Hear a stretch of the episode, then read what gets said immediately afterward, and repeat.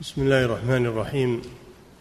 الحمد لله رب العالمين والصلاة والسلام على نبينا محمد وعلى آله وأصحابه أجمعين. أما بعد قال المؤلف رحمه الله تعالى والتأويل في كلام المتأخرين من الفقهاء والمتكلمين هو صرف اللفظ عن الاحتمال الراجح إلى الاحتمال المرجوح لدلالة توجب ذلك. نعم. بسم الله الرحمن الرحيم. الحمد لله رب العالمين. صلى الله وسلم على نبينا محمد وعلى آله وأصحابه أجمعين. التأويل يطلق ويراد به معنيان. تأويل بمعنى التفسير والتأويل بمعنى الحقيقة التي يؤول إليها الشيء. مثل الأسماء والصفات. معانيها ظاهرة معروفة. لكن حقائقها لا يعلمها إلا الله سبحانه وتعالى. حقائق الأسماء والصفات لا يعلمها إلا الله مثل السمع. حقيقة السمع لا يعلم السمع لله لا يعلمها إلا الله. البصر السميع البصير كيفية البصر لا يعلمها إلا الله سبحانه وتعالى. أما المعنى فهو معروف. وبناء على ذلك اختلف الوقف على قوله تعالى وما يعلم تأويله إلا الله. يجب الوقف على لفظ الجلالة إذا كان المراد بالتأويل الحقيقة التي يؤول إليها الشيء. هذا لا يعلمه إلا الله فيجب الوقف على قوله وما يعلم تأويله إلا الله. أما إذا أريد بالتأويل التفسير كما في تفسير ابن جرير يقول القول في تأويل قوله تعالى أي في تفسير. القول في تأويل قوله تعالى يعني القول في تفسير الآية. وهنا يجوز العطف عطف الراسخين في العلم على لفظ الجلالة. وما يعلم تأويله إلا الله والراسخون في العلم. إذا أريد تأويل التفسير. الراسخون في العلم يعلمونه. فهذا الوقف على قوله وما يعلم تأويله إلا الله. إذا وقف على لفظ الجلالة فمعناه الحقيقة التي يؤول إليها الشيء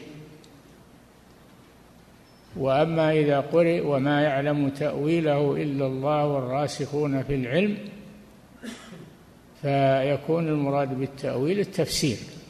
نعم. والتأويل في كلام المتأخرين من الفقهاء والمتكلمين هو صرف اللفظ عن الاحتمال الراجح إلى الاحتمال المرجوح لدلالة توجب ذلك وهذا هو التأويل الذي يتنازع الناس فيه في كثير من الأمور الخبرية والطلبية فالتأويل الصحيح منه الذي يوافق ما دلت عليه نصوص الكتاب والسنة وما خالف ذلك فهو التأويل الفاسد. نعم. وهذا مبسوط في موضعه وذكر هذا مبسوط في موضعه هذا كلام شيخ الإسلام ابن تيمية. نعم. وذكر في التبصرة أن نصير ابن يحيى البلخي روى عن عمر ابن إسماعيل بن حماد ابن أبي حنيفة عن محمد بن الحسن رحمهم الله. أعد. وذكر في التبصرة أن نصير ابن يحيى البلخي روى عن عمر بن إسماعيل بن حماد بن أبي حنيفة. حماد بن أبي حنيفة. عن محمد الحمادان حماد بن سلمة حماد بن سلمة وحماد بن زيد. هذه الحمادان المشهوران في التفسير وفي غيره. وأما حماد ابن أبي حنيفة فهذا لا يدخل في الحمادين إنما هو حماد بن أبي حنيفة. نعم. وذكر في التبصرة أن نصير بن يحيى البلخي روى عن عمر بن إسماعيل بن حماد بن أبي حنيفة عن محمد بن الحسن رحمهم الله. محمد بن الحسن صاحب أبي حنيفة لأن أبا حنيفة له صاحبان له صاحبان أحدهما محمد بن الحسن هذا.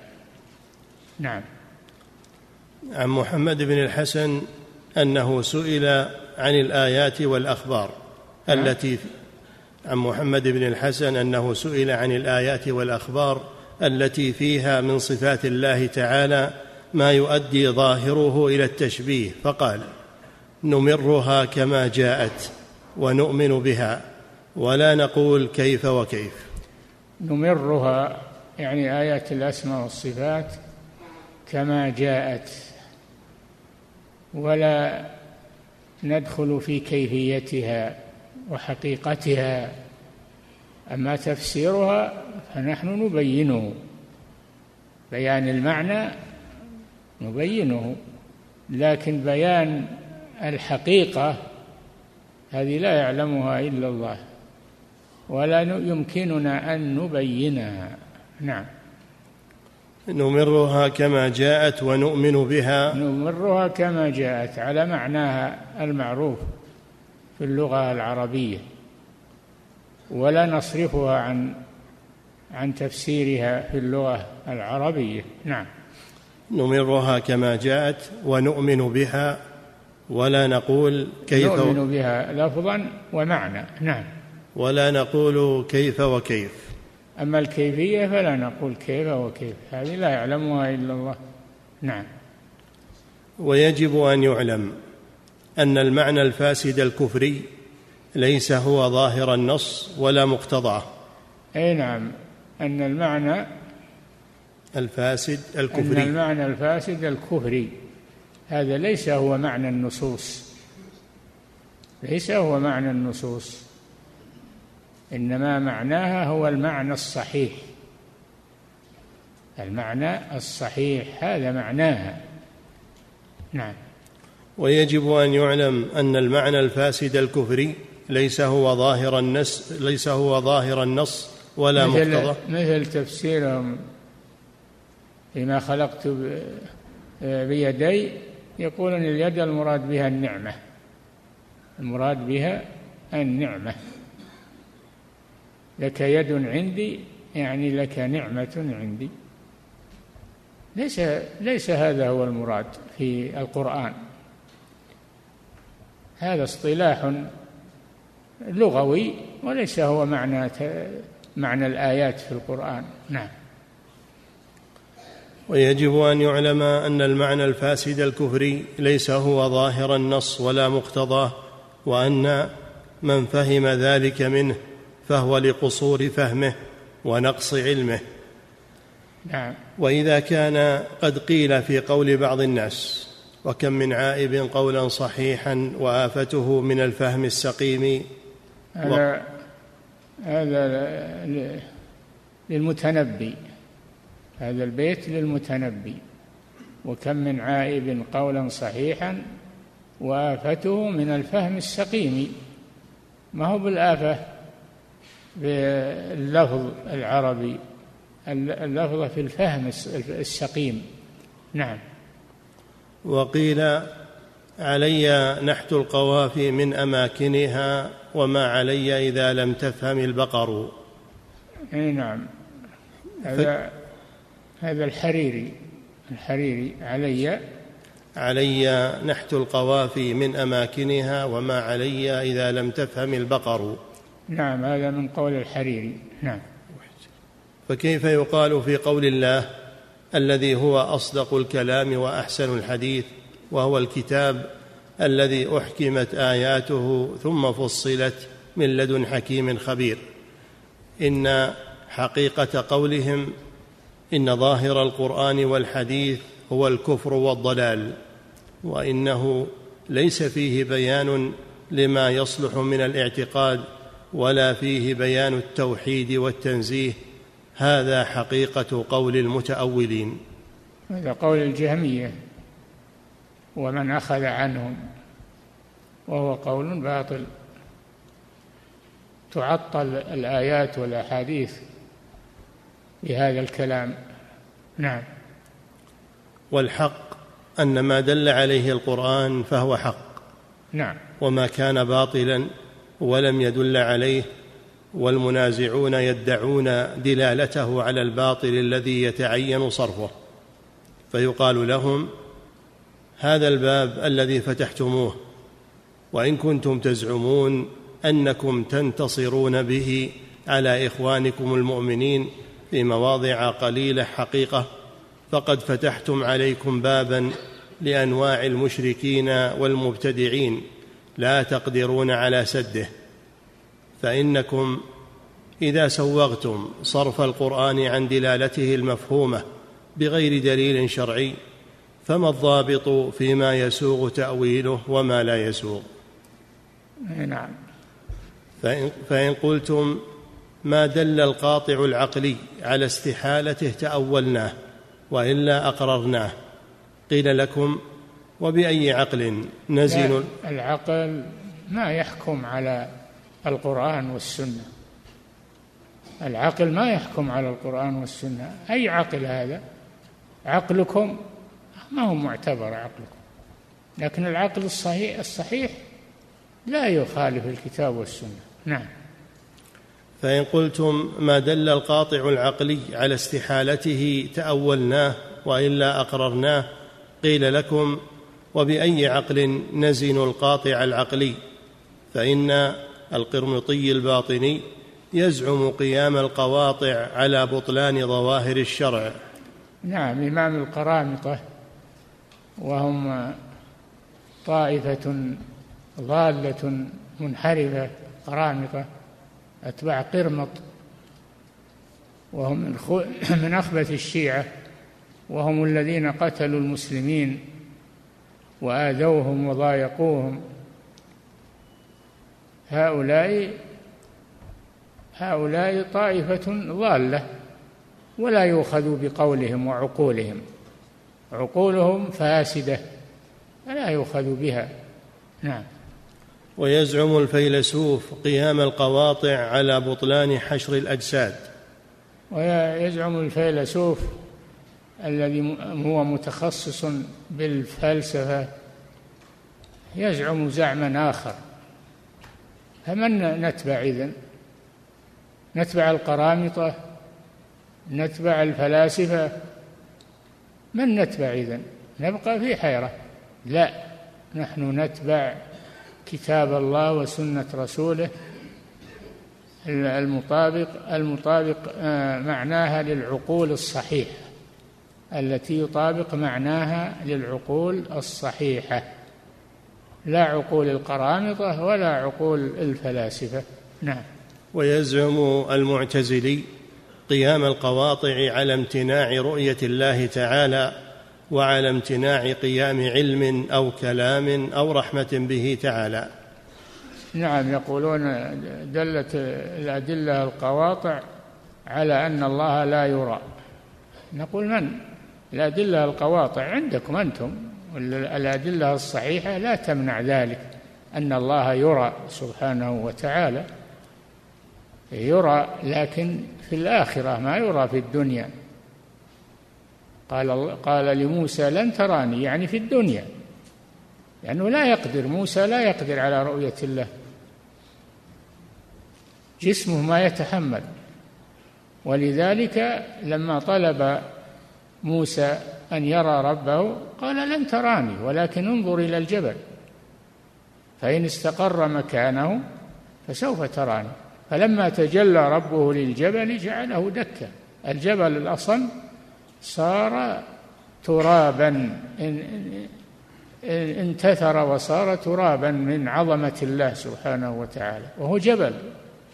فكيف بالإنسان الذي هو لحم ودم؟ نعم.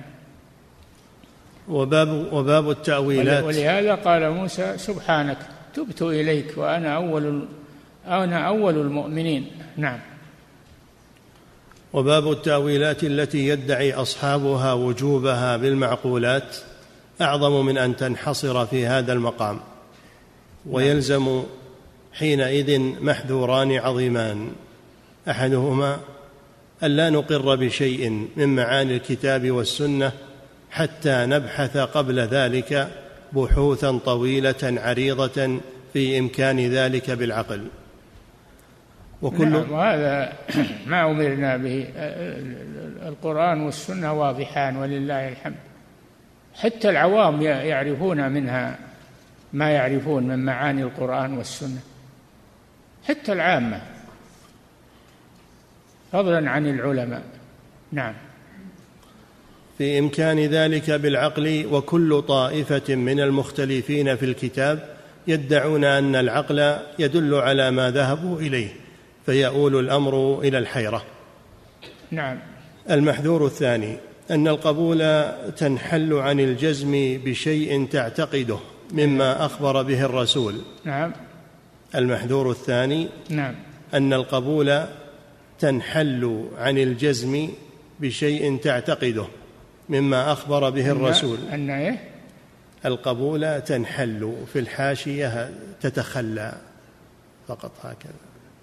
تنحل عن الجزم. إيش يقول في الحاشية؟ في الحاشية في نسخة دال تتخلى.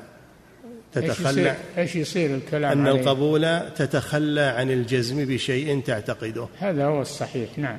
ما هو تتخلى تتخلى. نعم.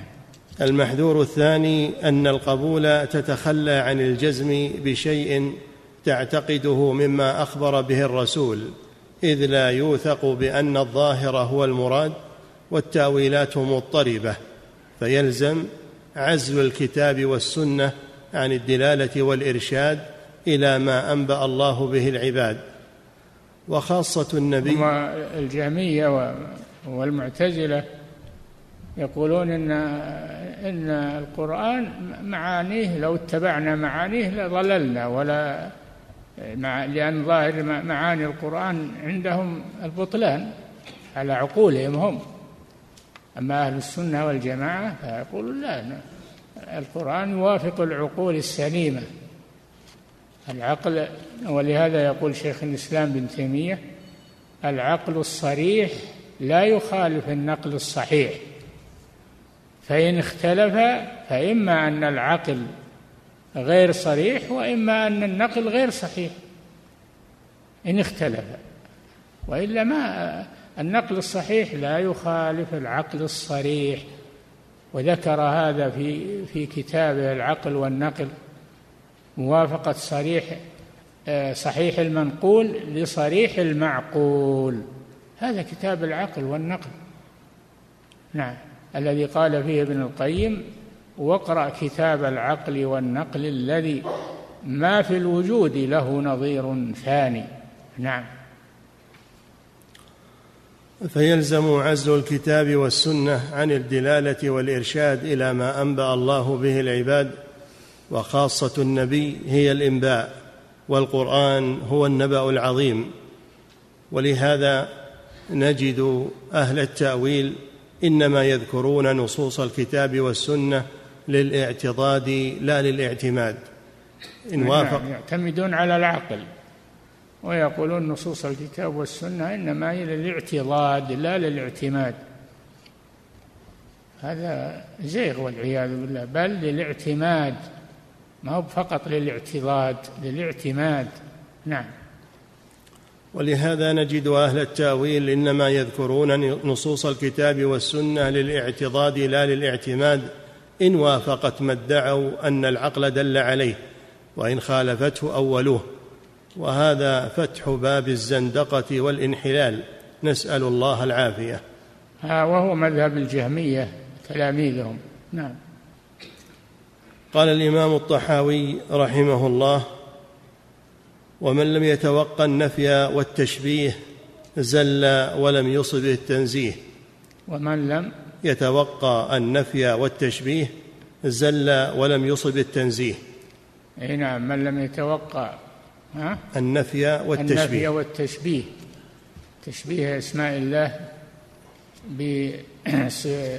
تشبيه أسماء الله بأسماء المخلوقين وصفات الله بصفات المخلوقين. هذا يزل. ولم يصب التنزيه فيجب على المسلم أن يتوقاه ويبتعد عنه. نعم. قال الإمام الطحاوي رحمه الله ومن لم يتوقى النفي والتشبيه زل ولم يصب التنزيه. قال الشارح رحمه الله النفي والتشبيه مرضان من أمراض القلوب فإن أمراض القلوب نوعان مرض شبهة ومرض شهوة. وكلاهما مذكور في القرآن. نعم. فإن أمراض القلوب نوعان مرض شبهة ومرض شهوة وكلاهما مذكوران في القرآن. نعم. قال تعالى فلا تخضعن بالقول فيطمع الذي في قلبه مرض. فهذا مرض, مرض الشهوة. مرض قلبي يعني مرض قلبي وهو مرض الشك والشهوة. فلا تخضعن بالقول فيطمع الذي في قلبه مرض يعني مرض الشهوة. نعم. وقال تعالى في قلوبهم مرض فزادهم الله مرضا. وقال مرض شك. في قلوبهم مرض مرض شك وتردد. نعم. وقال تعالى وأما الذين في قلوبهم مرض فزادتهم رجسا إلى رجسهم. وإذا ما أنزلت سورة نظر بعضهم إلى بعض أيكم زادته هذه إيمانا؟ فأما الذين فأما فأما الذين في قلوبهم مرض فأما الذين آمنوا فزادتهم إيمانا وهم يستبشرون بنزولها. وأما الذين في قلوبهم مرض مرض شبهة فزادتهم رجسا إلى رجسهم. وماتوا وهم كافرون. نعم. وقال تعالى وأما الذين في قلوبهم مرض فزادتهم رجسا إلى رجسهم فهذا مرض الشبهة وهو أردأ من مرض الشهوة إذ مرض الشهوة يرجى له الشفاء بقضاء الشهوة ومرض الشبهة لا شفاء له إن لم يتداركه الله برحمته. نعم. والشبهة التي في مسألة الصفات نفيها وتشبيهها. وشبهة النفي نعم. والشبهة التي في مسألة الصفات نعم. نفيها وتشبيهها. الشبهة نعم. والشبهة التي في مسألة الصفات نفيها وتشبيهها نفي الصفات وتشبيه الصفات نعم. وشبهة النفي أردأ من شبهة التشبيه. فإن شبهة النفي رد وتكذيب لما جاء به الرسول صلى الله عليه وسلم وشبهة التشبيه غلو ومجاوزة للحد بما جاء به الرسول صلى الله عليه وسلم وتشبيه الله بخلقه كفر. نعم. فإن الله تعالى يقول ليس كمثله شيء ونفي الصفات كفر. فإن الله تعالى يقول هو السميع البصير. نعم. ليس كمثله شيء. وهو السميع البصير. فنفى عنه المثلية والمشابهة وأثبت له السمع والبصر. نعم. فدل على أن الله له سمع وبصر. لا يشبهان سمع وبصر المخلوقين. نعم. وهذا أحد نوعي التشبيه فإن التشبيه نوعان تشبيه الخالق بالمخلوق وهذا الذي يتعب أهل الكلام في رده وإبطاله وأهله في الناس أقل من النوع الثاني الذين هم أهل تشبيه المخلوق بالخالق كعباد المسيح وعزير والشمس والقمر والأصنام والملائكة والنار والماء والعجل والقبور والجن وغير ذلك. نعم شبهوا هذه الأشياء بالله فعبدوها. نعم. وهؤلاء هم الذين أرسلت إليهم الرسل يدعونهم إلى عبادة الله وحده لا شريك له. نعم.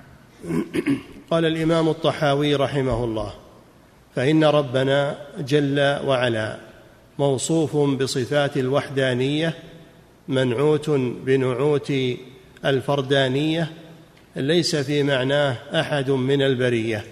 نعم. قال الشارح رحمه الله يشير الشيخ رحمه الله إلى أن تنزيه الرب تبارك وتعالى هو وصفه كما وصف نفسه نفيا وإثباتا.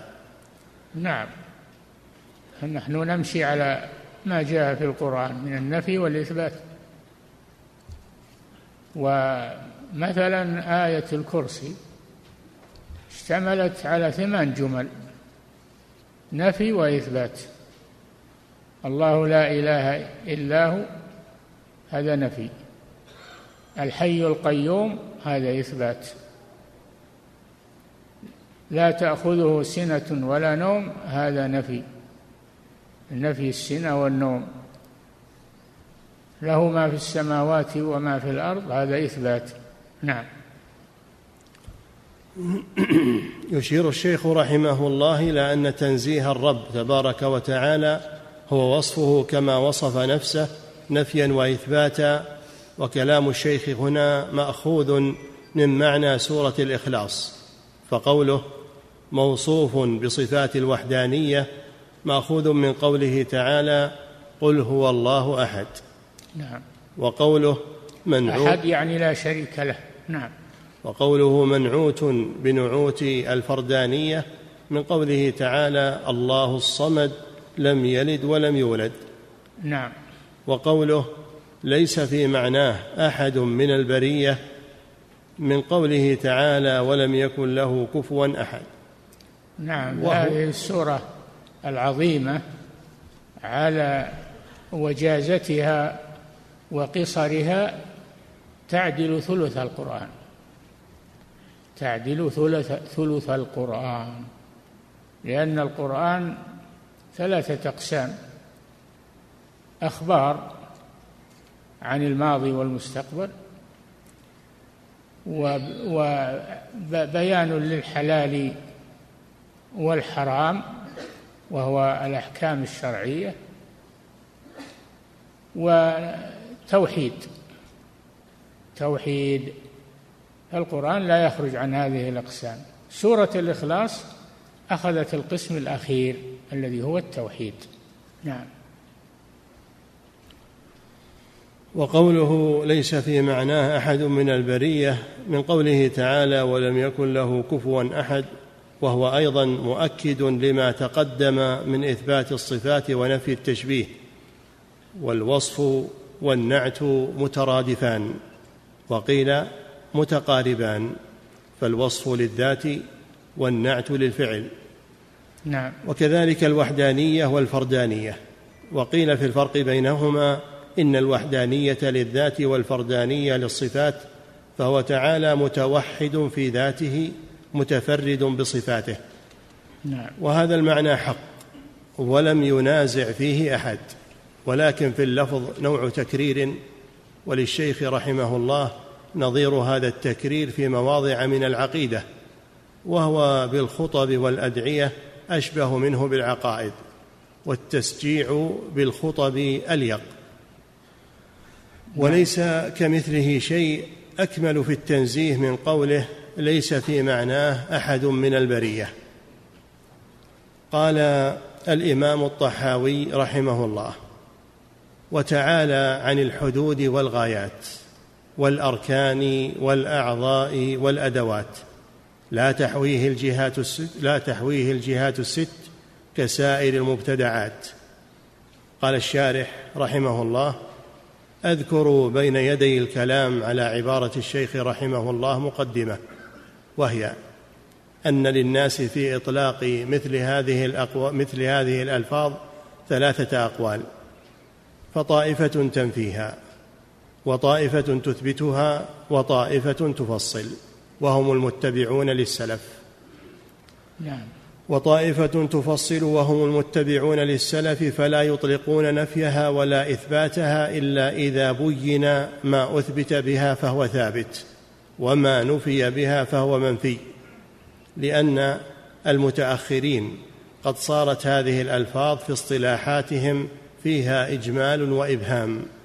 كغيرها من الألفاظ الاصطلاحية فليس كلهم يستعملها في نفس معناها اللغوي. ولهذا كان النفاة ينفون بها حقا وباطلا ويذكرون عن مثبتيها ما لا يقولون به. وبعض المثبتين لها يدخل فيها معنى باطلا مخالفا لقول السلف. ولما دل عليه الكتاب والميزان ولم يرد نص من الكتاب ولا من السنة بنفيها ولا إثباتها. وليس لنا أن نصف الله تعالى بما لم يصف به نفسه ولا وصفه به رسوله نفيا ولا إثباتا وإنما نحن متبعون لا مبتدعون. نعم. فالواجب كلام طيب نعم. فالواجب أن ينظر في هذا الباب. أعني باب الصفات فما أثبته الله ورسوله أثبتناه وما نفاه الله ورسوله نفيناه والألفاظ التي ورد بها النص يعتصم بها في الإثبات والنفي فنثبت ما أثبته الله ورسوله من الألفاظ والمعاني وننفي ما نفته نصوصهما من الألفاظ والمعاني وأما الألفاظ التي لم يرد نفيها ولا إثباتها لا تطلق حتى ينظر في مقصود قائلها فإن كان معنى صحيحا قبل. نعم. فإن كان معنى صحيحا قبل لكن ينبغي التعبير عنه بألفاظ النصوص دون الألفاظ المجملة إلا عند الحاجة مع قرائن تبين المراد والحاجة مثل أن يكون الخطاب مع من لا يتم المقصود معه إن لم يخاطب بها ونحو ذلك. والشيخ رحمه الله أراد الرد بهذا الكلام على المشبهة كداود الجواربي وأمثاله القائلين إن الله جسم وإنه جثة وأعضاء وغير ذلك تعالى الله عما يقولون علوا كبيرا. هذا غلو في الإثبات. هناك غلو في الإثبات مثل هذا وهناك غلو في النفي والوسط هو اتباع الكتاب والسنة. فما أثبته الكتاب والسنة لله أثبتناه وما نفاه الكتاب والسنة عن الله نفيناه. وبهذا نصيب الحق ونستريح من الكلفة. نعم. فالمعنى الذي أراده الشيخ رحمه الله من النفي الذي ذكره هنا حق ولكن حدث بعده من أدخل في عموم نفيه حقا وباطلا فيحتاج إلى بيان ذلك فيحتاج إلى بيان ذلك وهو أن السلف متفقون على أن البشر لا يعلمون لله حدا وأنهم لا يحدون شيئا من صفاته. قال أبو داود الطيالسي كان سفيان وشعبة وحماد بن زيد وحماد بن سلمة وشريك وأبو عوانة لا يحدون ولا يشبهون ولا يمثلون يروون الحديث ولا يقولون كيف وإذا سئلوا قالوا بالأثر. وسيأتي في كلام الشيخ وقد أعجز عن الإحاطة خلقه فعلم أن مراده أن الله تعالى أن الله سبحانه وتعالى يتعالى عن أن يحيط أحد بحده لا أن المعنى أنه غير متميز عن خلقه منفصل عنهم مباين لهم. سئل عبد الله ابن المبارك بما نعرف ربنا؟ قال بأنه على العرش بائن من خلقه. قيل بحد قال بحد انتهى.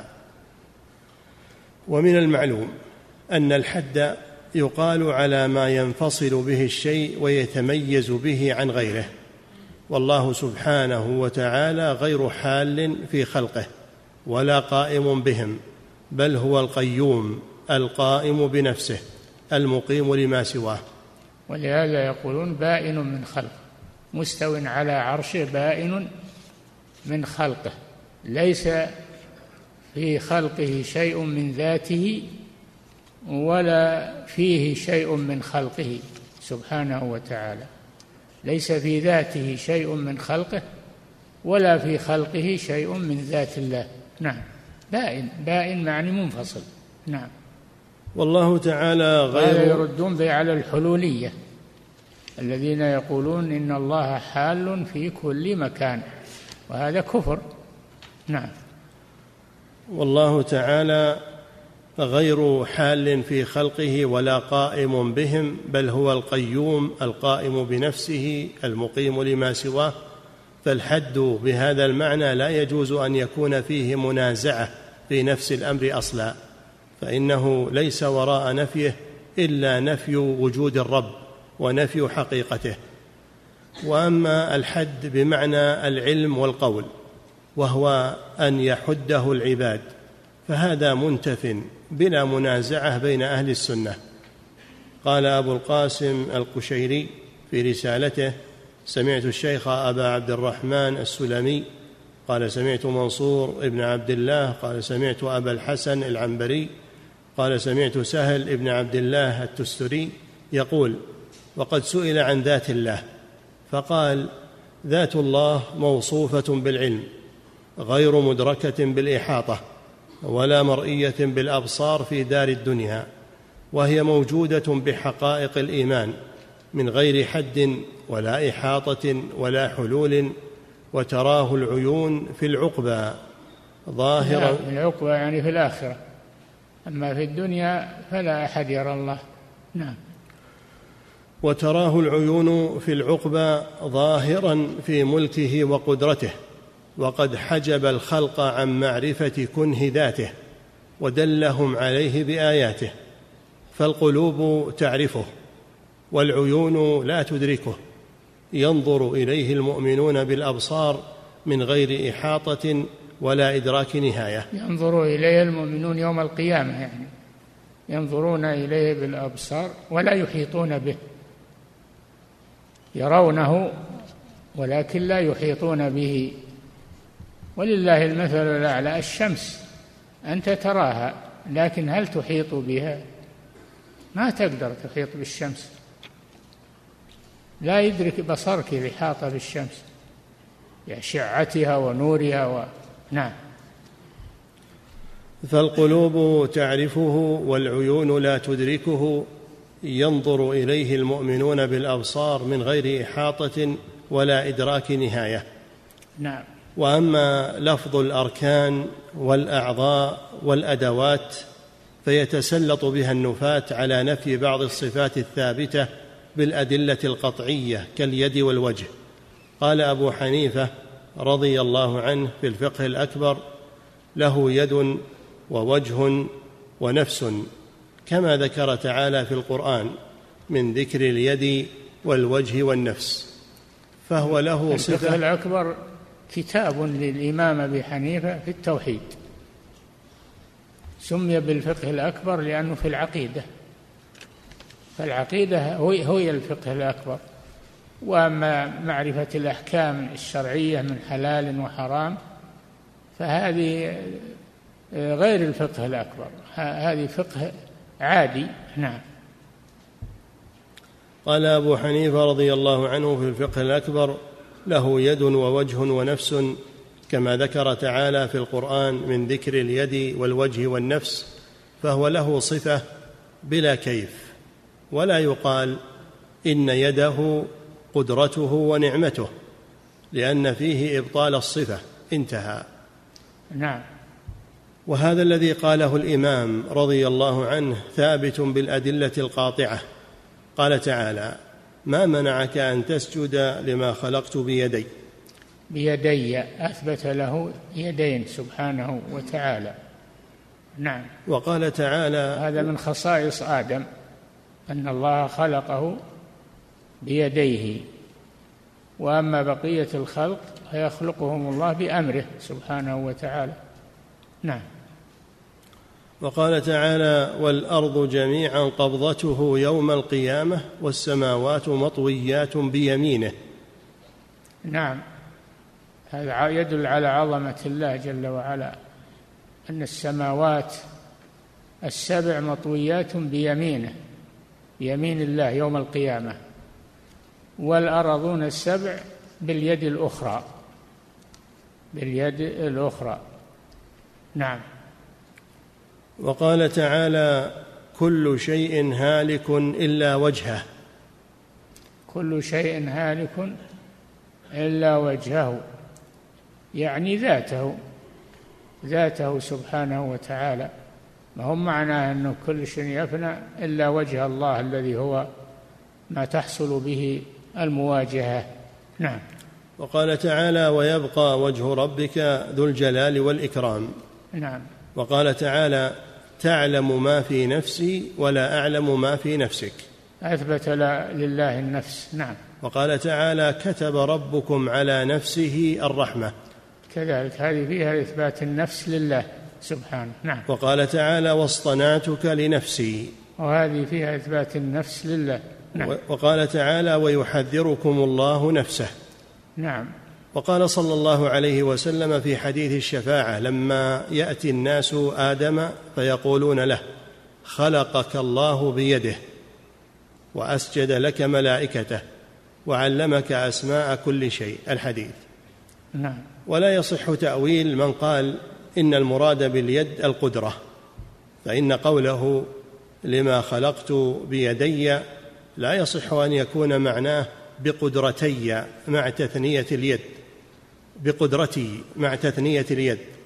ولو صح ذلك لقال إبليس وأنا أيضا خلقتني بقدرتك. نعم. فلا فضل له علي بذلك. فإبليس مع كفره كان أعرف بربه من الجهمية. ولا دليل لهم في قوله تعالى أولم يروا أنا خلقنا لهم مما عملت أيدينا أنعاما فهم لها مالكون. لأنه تعالى جمع الأيدي لما أضافها إلى ضمير الجمع. نعم هذا هذا خلقه الله بواسطة بواسطة الملائكة بواسطة مخلوقات. نعم. ولا دليل لهم في قوله تعالى أولم يروا أنا خلقنا لهم مما عملت أيدينا أنعاما فهم لها مالكون؟ لأنه تعالى جمع الأيدي لما أضافها إلى ضمير الجمع ليتناسب الجمعان اللفظيان للدلالة على الملك والعظمة ولم يقل أيدي مضاف إلى ضمير المفرد ولا يدينا بتثنية اليد مضافه إلى ضمير الجمع. فلم يكن قوله مما عملت أيدينا نظير قوله لما خلقت بيدي. وقال وأيضا ما عملت أيدينا هذا فيما يخلقه الله ويوجده بواسطة ملائكته ومخلوقاته. نعم. وقال النبي صلى الله عليه وسلم عن ربه عز وجل حجابه النور. لو كشفه لأحرقت سبحات وجهه ما انتهى إليه بصره من خلقه. حجابه النور حجاب الله جل وعلا النور فلا يراه أحد. لأن النور يحجبه. لو كشفه لو كشف النور عن ذاته سبحانه لأحرقت سبحات وجهه. ما انتهى إليه بصره من خلقه. فالله احتجب عن خلقه لئلا يحترقوا. نعم. ولكن لا يقال لهذه الصفات إنها أعضاء أو جوارح أو أدوات أو أركان. لأن الركن جزء الماهية. والله تعالى هو الأحد الصمد لا يتجزأ سبحانه وتعالى. والأعضاء فيها معنى التفريق والتعضية. نعم. تعالى الله عن ذلك ومن هذا المعنى قوله تعالى الذين جعلوا القرآن عضين. أي سحر. جعلوا القرآن عضين يعني سحر. أو أنهم قسموه. قسموا القرآن في زعمهم وجعلوه مقسما معظها. نعم. والجوارح فيها معنى الاكتساب والانتفاع وكذلك الأدوات. هي الآلات التي ينتفع بها في جلب المنفعة ودفع المضرة وكل هذه المعاني منتفية عن الله سبحانه وتعالى. ولهذا لم يرد ذكرها في صفات الله تعالى فالألفاظ الشرعية صحيحة المعاني سالمة من الاحتمالات الفاسدة فلذلك يجب ألا يعدل عن الألفاظ الشرعية نفيا ولا إثباتا في حق الله جل في حق الله نعم. فلذلك يجب أن لا يعدل عن الألفاظ الشرعية نفيا ولا إثباتا لئلا يثبت معنى فاسد. أو ينفى معنى صحيح. وكل هذه الألفاظ المجملة عرضة للمحق والمبطل. نعم. وأما لفظ الجهة فقد يراد به ما هو موجود وقد يراد به ما هو معدوم. ومن المعلوم أنه لا موجود إلا الخالق والمخلوق. فإذا أريد بالجهة أمر موجود غير الله تعالى كان مخلوقا. والله سبحانه وتعالى لا يحصره شيء ولا يحيط به شيء من المخلوقات. تعالى الله عن ذلك. وإن أريد نعم بال... إذا إذا أريد إذا قيل هل الله في جهة أو ليس في جهة تقول نعم الله في جهة العلو. الله في جهة العلو. لكن هو بائن من خلقه. في العلو بائن من خلقه سبحانه منفصل عنهم. وهم منفصلون عنه. بائن يعني ليس في ذاته شيء من مخلوقاته ولا في مخلوقاته شيء من ذاته. نعم. وإن, وإن أريد بالجهة أمر عدمي وهذا ما فوق العالم فليس هناك إلا الله وحده. فإذا قيل إنه في جهة بهذا الاعتبار فهو صحيح. ومعناه في أنه جهة في جهة العلو نعم. ومعناه أنه فوق العالم نعم. حيث انتهت المخلوقات فهو سبحانه فوق الجميع عال عليه. وهو القاهر فوق عباده. نعم. ونفاة لفظ الجهة الذين الذي ونفاة لفظ الجهة الذين يريدون بذلك نفي العلو يذكرون من أدلتهم أن الجهات كلها مخلوقة وأنه كان قبل الجهات. وأن وفي جهة غير مخلوقة. وجل وعلا في جهة غير مخلوقة وهي جهة العلو فوق العالم فوق الخلق. نعم. ونفاة لفظ الجهة الذين يريدون بذلك نفي العلو يذكرون من أدلتهم أن الجهات كل أن الجهات كلها مخلوقة وأنه كان قبل الجهات وأن من قال إنه في جهة. يلزمه القول بقدم شيء من العالم أو أنه كان مستغنيا عن الجهة ثم صار فيها وهذه الألفاظ ونحوها إنما تدل على أنه ليس في شيء من المخلوقات سواء سمي جهة أو لم يسمى وهذا حق ولكن الجهة ليست امرا وجوديا بل أمر اعتباري ولا شك أن الجهات لا نهاية لها. وما لا يوجد فيها لا نهاية له فليس بموجود. وقول الشيخ رحمه الله لا تحويه الجهات الست. يكفي.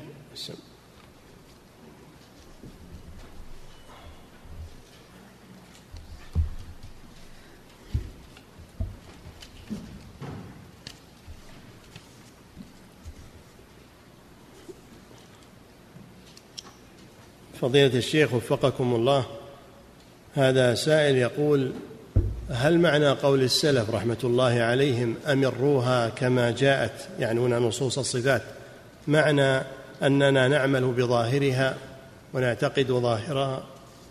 نعم نعتقد ما تدل عليه. ما نقول ظاهرها نقول نعتقد ما تدل عليه. نعم. فضيلة الشيخ وفقكم الله هذا سائل يقول ما حكم مؤولة الصفات؟ حكمهم أنهم مجتهدون في هذا لكن فيما لا يسوغ فيه الاجتهاد. مجتهدون فيما لا يسوغ فيه الاجتهاد وهم يزعمون أنهم مجتهدون. نعم.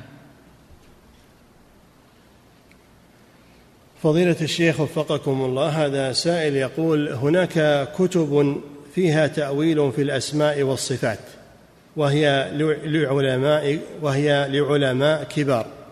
هل للمبتدئ أن يقوم بالقراءة في هذه الكتب أو أنه يترك جميع ما فيها؟ ما يقرأها إلا من عنده بصيرة ومعرفة يبين ما فيها من خطأ وصواب. أما اللي ما عنده معرفة فلا يقرأ فيها. يلتبس عليه الحق بالباطل. نعم. فضيلة الشيخ وفقكم الله هذا سائل يقول في تفسير التحرير والتنوير لابن عاشور ذكر في المقدمة العاشرة هذا العنوان وهو مبتكرات القرآن.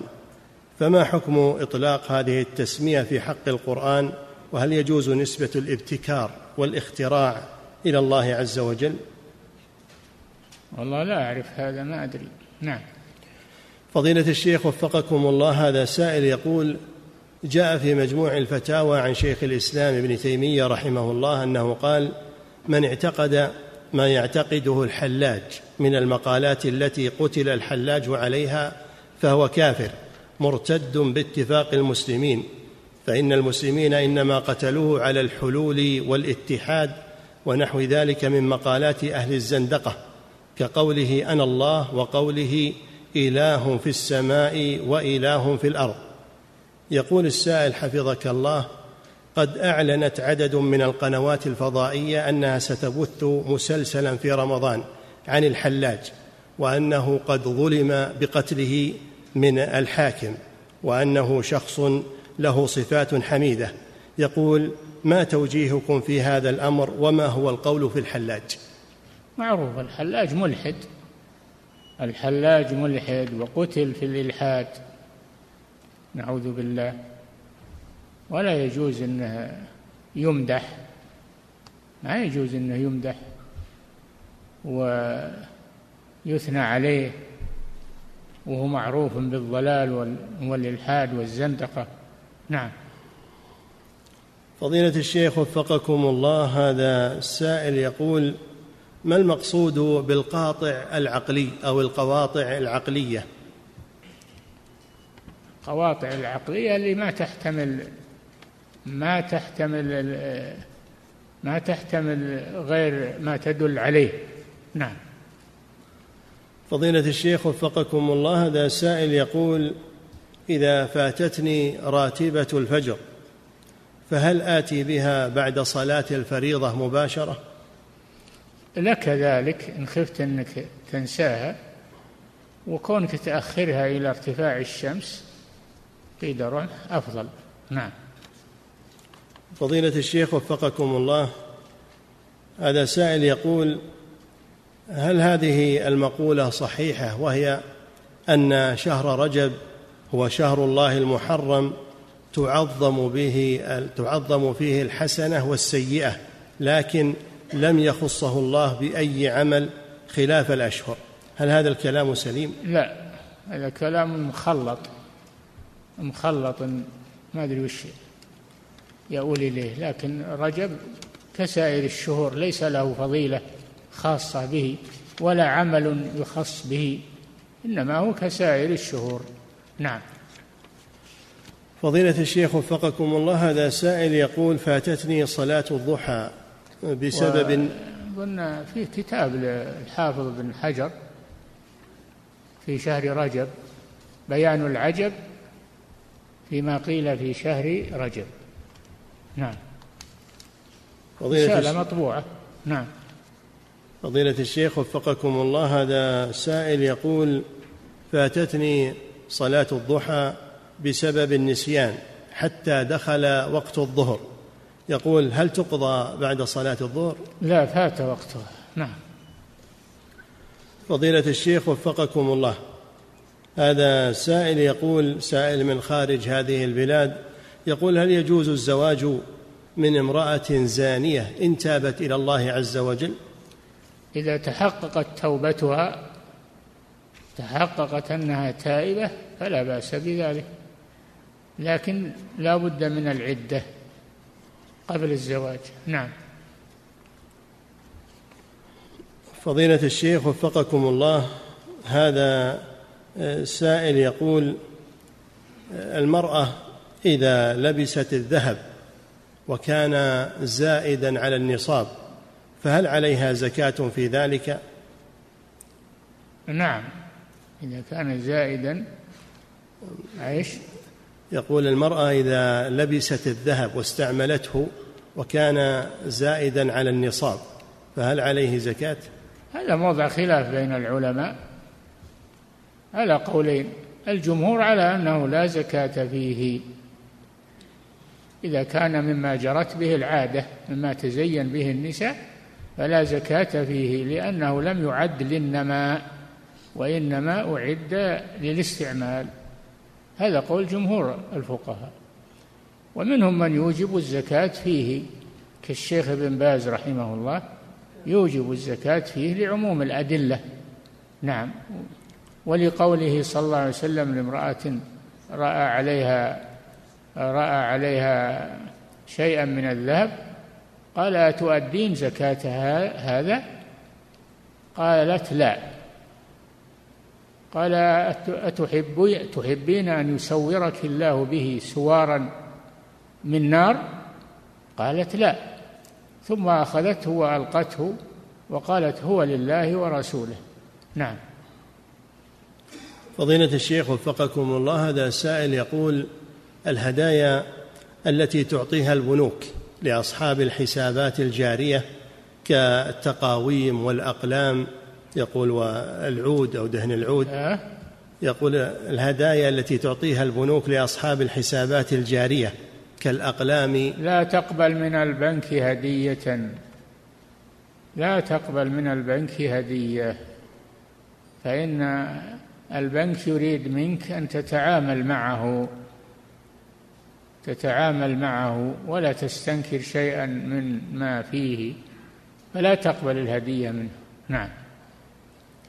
فضيلة الشيخ وفقكم الله هذا سائل يقول إذا كنت أصلي الوتر وأذن الفجر أثناء صلاتي للوتر فهل أكون قد أدركت وقته؟ إي نعم كمله لكن خففه. وأذان الفجر يختلف منهم من يبكر بالأذان قال صلى الله عليه وسلم إن بلالا يؤذن بليل. وكلوا واشربوا. حتى يؤذن ابن أم مكتوم. المؤذنون يختلفون في الفجر. نعم. فضيلة الشيخ وفقكم الله هذا سائل يقول هل يجوز لي أن أعمل بحوثا للطلاب الجامعيين وأساعدهم في ذلك مقابل مادي؟ لا هذا غش. هذا غش وعمل هذا عمل محرم ولا يجوز لأنه غش في الامتحانات ويعطى درجة على هذا هذا البحث وهو ليس له. هذا غش وكذب. نعم. فضيلة الشيخ وفقكم الله هذا سائل يقول بقول الرسول صلى الله عليه وسلم وإذا عطس فحمد الله فشمته. يقول من سمع حمد الله فهل يجب على الجميع أن يشمتوه أو يكفي واحد؟ سنة كفاية هذه سنة كفاية. إذا شمته واحد من المجموعة كفى. نعم. فضيلة الشيخ وفقكم الله وهذا سائل يسأل يقول من عطس والإمام يخطب خطبة الجمعة فهل له أن يشمته أثناء الخطبة؟ لا. شمت بعد الخطبة. شمته بعد الخطبة. نعم. فضيلة الشيخ وفقكم الله هذه امرأة تسأل فتقول إنه قد مات أبوها قبل سنين وهو أثناء موته كان راض عنها وتراه في المنام كثيرا أنه غضبان. هل تعني تلك المنامات شيئا من ناحية الشرع وهل يجب عليها شيء في ذلك؟ والله تسأل اللي يعبرون الرؤيا لعلهم يجدون لها تفسيرا نعم فضيلة الشيخ وفقكم الله هذا سائل يقول من اشترى سيارة من معارض السيارات فهل يجب عليه أن يخرجها من المعرض قبل بيعها؟ إي نعم هذا هو القبض هذا هو القبض التام يخرجها من المعرض. نعم. فضيلة الشيخ وفقكم الله هذا سائل يقول من عدم الماء والتراب لأجل الصلاة فهل يصلي على حاله أم أن الصلاة تسقط عنه؟ لا ما تسقط عنه يصلي على حسب حاله. فاتقوا الله ما استطعتم. صلي على حسب حاله ولو لو ولو بدون ماء ولا تراب. نعم.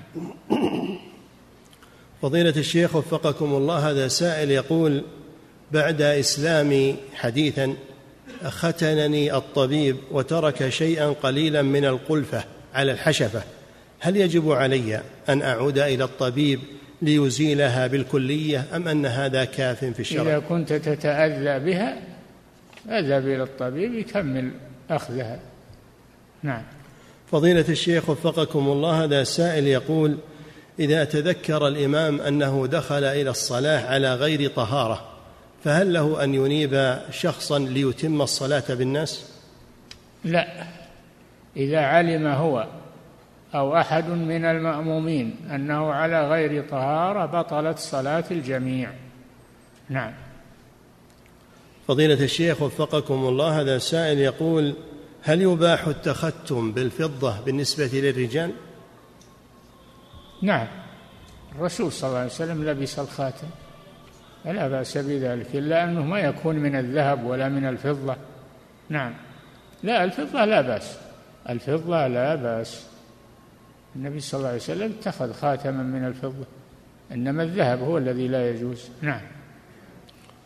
فضيلة الشيخ وفقكم الله هذا سائل يقول الذي في أسواق المسلمين من اللحوم والدجاج. هل يسأل الإنسان عن مصدرها وهل قد ذبحت على الطريقة الإسلامية أو غير ذلك؟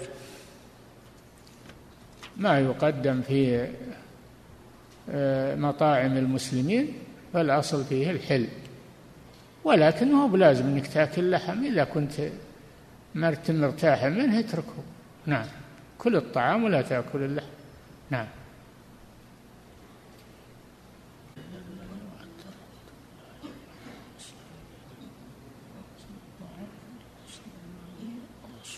نعم.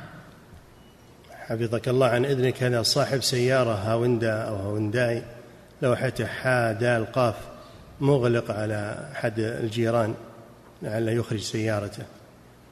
فضيلة الشيخ وفقكم الله هذا سائل يقول هل لطالب العلم أن يفتي بما يعلم وهو لا يحفظ دليل المسألة أثناء سؤاله؟ لا. يكل الفتوى إلى من هو أعلم منه. يقول اذهب إلى فلان اذهب نعم. فضيلة الشيخ وفقكم الله هذا سائل يقول سجود التلاوة أثناء الصلاة هل هو واجب على الإمام؟ لا ليس بواجب. سجود التلاوة سنة. نعم. فضيلة الشيخ وفقكم الله هذا سائل يقول ما حكم المشاركة في المسابقات القرآنية وأخذ الجوائز على ذلك؟ لا بأس بذلك. قال صلى الله عليه وسلم إن أحق ما أخذتم عليه اجرا كتاب الله.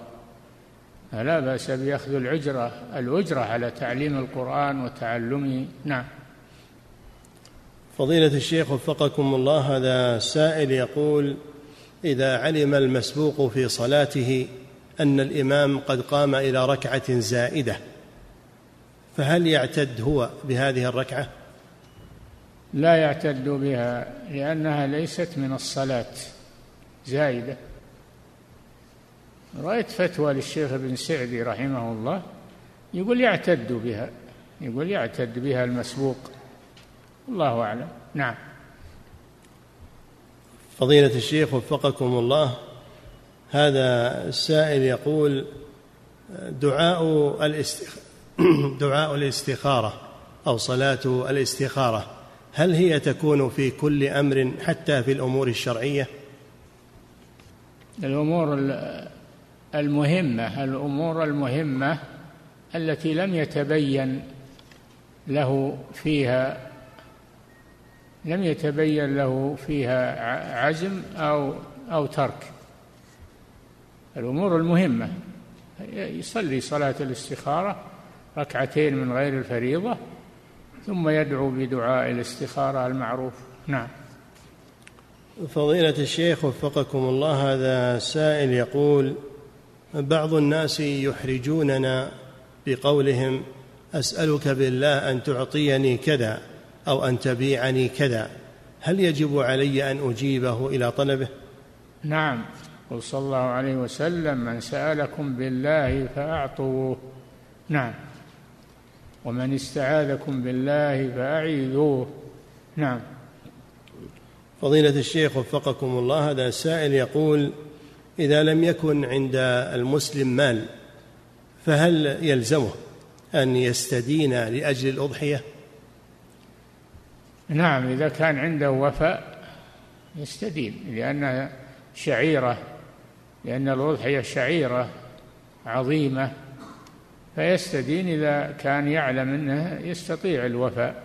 عنده مال غايب ولا عنده عمل يعمله ويحصل منه فلوس فيتأكد أنه يضحي. نعم.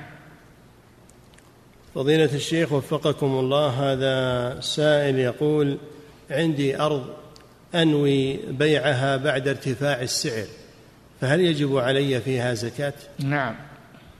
ما دمت تنويها للبيع وحال عليها الحول تقومها بما تساوي وتزكيها. نعم. فضيلة الشيخ وفقكم الله هذا سائل يقول صليت صلوات كثيرة إلى غير القبلة ولم أعلم بعد ذلك إلا بعد شهر. فهل يجب علي قضاء هذه الصلوات؟ إذا كنت في بلد مسلمين فيجب عليك القضاء لأنك بإمكانك تسأل يعني فيه مساجد لها محاريب. أما إذا كنت في بر ولا عندك واجتهدت وصليت صلاتك صحيحة إن شاء الله. ولله المشرق والمغرب فأينما تولوا فثم وجه الله. هذه الآية في من اشتبهت عليه القبلة. وهو في غير بلد نعم. فضيلة الشيخ وفقكم الله هذا سائل يقول امرأة في عدة الوفاة وبنتها ستتزوج هل لها أن تخرج لحضور؟ يقول امرأة في عدة الوفاة وبنتها ستتزوج إيه. هل لها أن تخرج إلى قصر الأفراح لأجل حضور هذا الأمر؟ بالليل لا.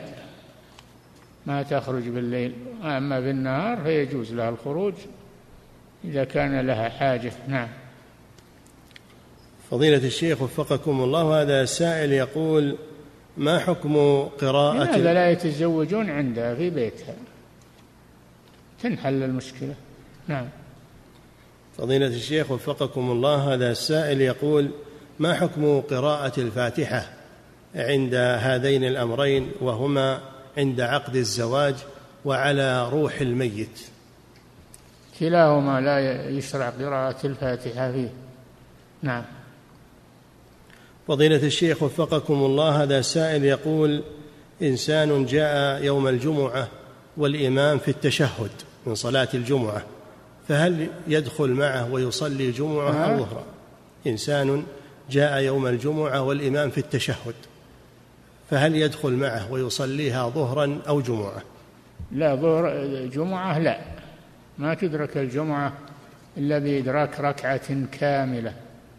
لكن ينوي الظهر ويدخل مع الإمام في الجلوس التشهد.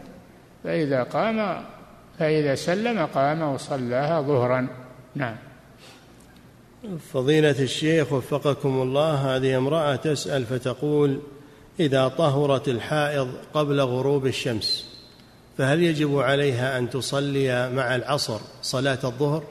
نعم كذا قال العلماء الصلاة الحاضرة وما يجمع إليها قبلها نعم فضيلة الشيخ وفقكم الله هذا سائل يقول الرواتب التي يتحصل عليها الإنسان شهريا هل فيها زكاة؟ نعم فيها زكاة إذا اجتمع لديه رصيد ومضى عليه الحول ففيها الزكاة. نعم. فضيلة الشيخ وفقكم الله هذا سائل يقول ما حكم سماح الأب لبناته بالذهاب إلى الحدائق المختلطة أو غير ذلك من الأسواق التي فيها فتنة؟ لا يجوز له ذلك. لا يسمح لبناته أن يذهبن إلى هذه الأماكن التي فيها اختلاط وفيها خطورة عليها لا يسمح لهن. الرجال قوامون على النساء وهو قوام على بناته. نعم. فضيلة الشيخ وفقكم الله هذا سائل يقول خروج المذي هل هو موجب للغسل كالمني؟ لا يوجب الوضوء. يوجب الوضوء. نعم. فضيلة الشيخ وفقكم الله. الوضوء وغسل الخصيتين يغسل الخصيتين. نعم. فضيلة الشيخ وفقكم الله هذا السائل يقول المستمع للغيبة هل هو شريك للمغتاب في هذه المسألة؟ نعم. المستمع للغيبة. الذي لا ينكرها المستمع لها ولا ينكرها شريك يكون شريكا له. في الإثم نعم. فضيلة الشيخ وفقكم الله هذا سائل يقول الإسراف هل هو يختلف من شخص إلى آخر؟ فإذا كان مثلا في السيارات فاشترى سيارة عالية الثمن هل يقال بأن هذا مسرف وذاك غير مسرف؟ ما ما يسرف. لا يسرف الفقير ولا الغني ما يسرف. كلوا واشربوا ولا تسرفوا إنه لا يحب المسرفين. والنبي صلى الله عليه وسلم يقول كل واشرب والبس من غير سرف ولا مخيلة. نعم.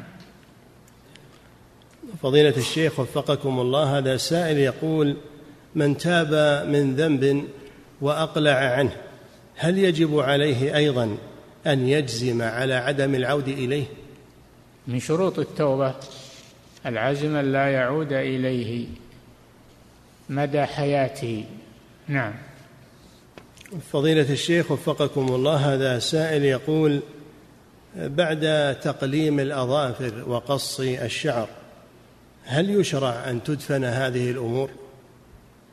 تدفن أو توضع في نقب من الجدار أو غير ذلك. نعم. فضيلة الشيخ وفقكم الله هذا سائل يقول ما حكم الاستنجاء باليد اليمنى؟ لا اليد اليمنى لا يمس بها فرجه إنما باليد اليسرى. نعم.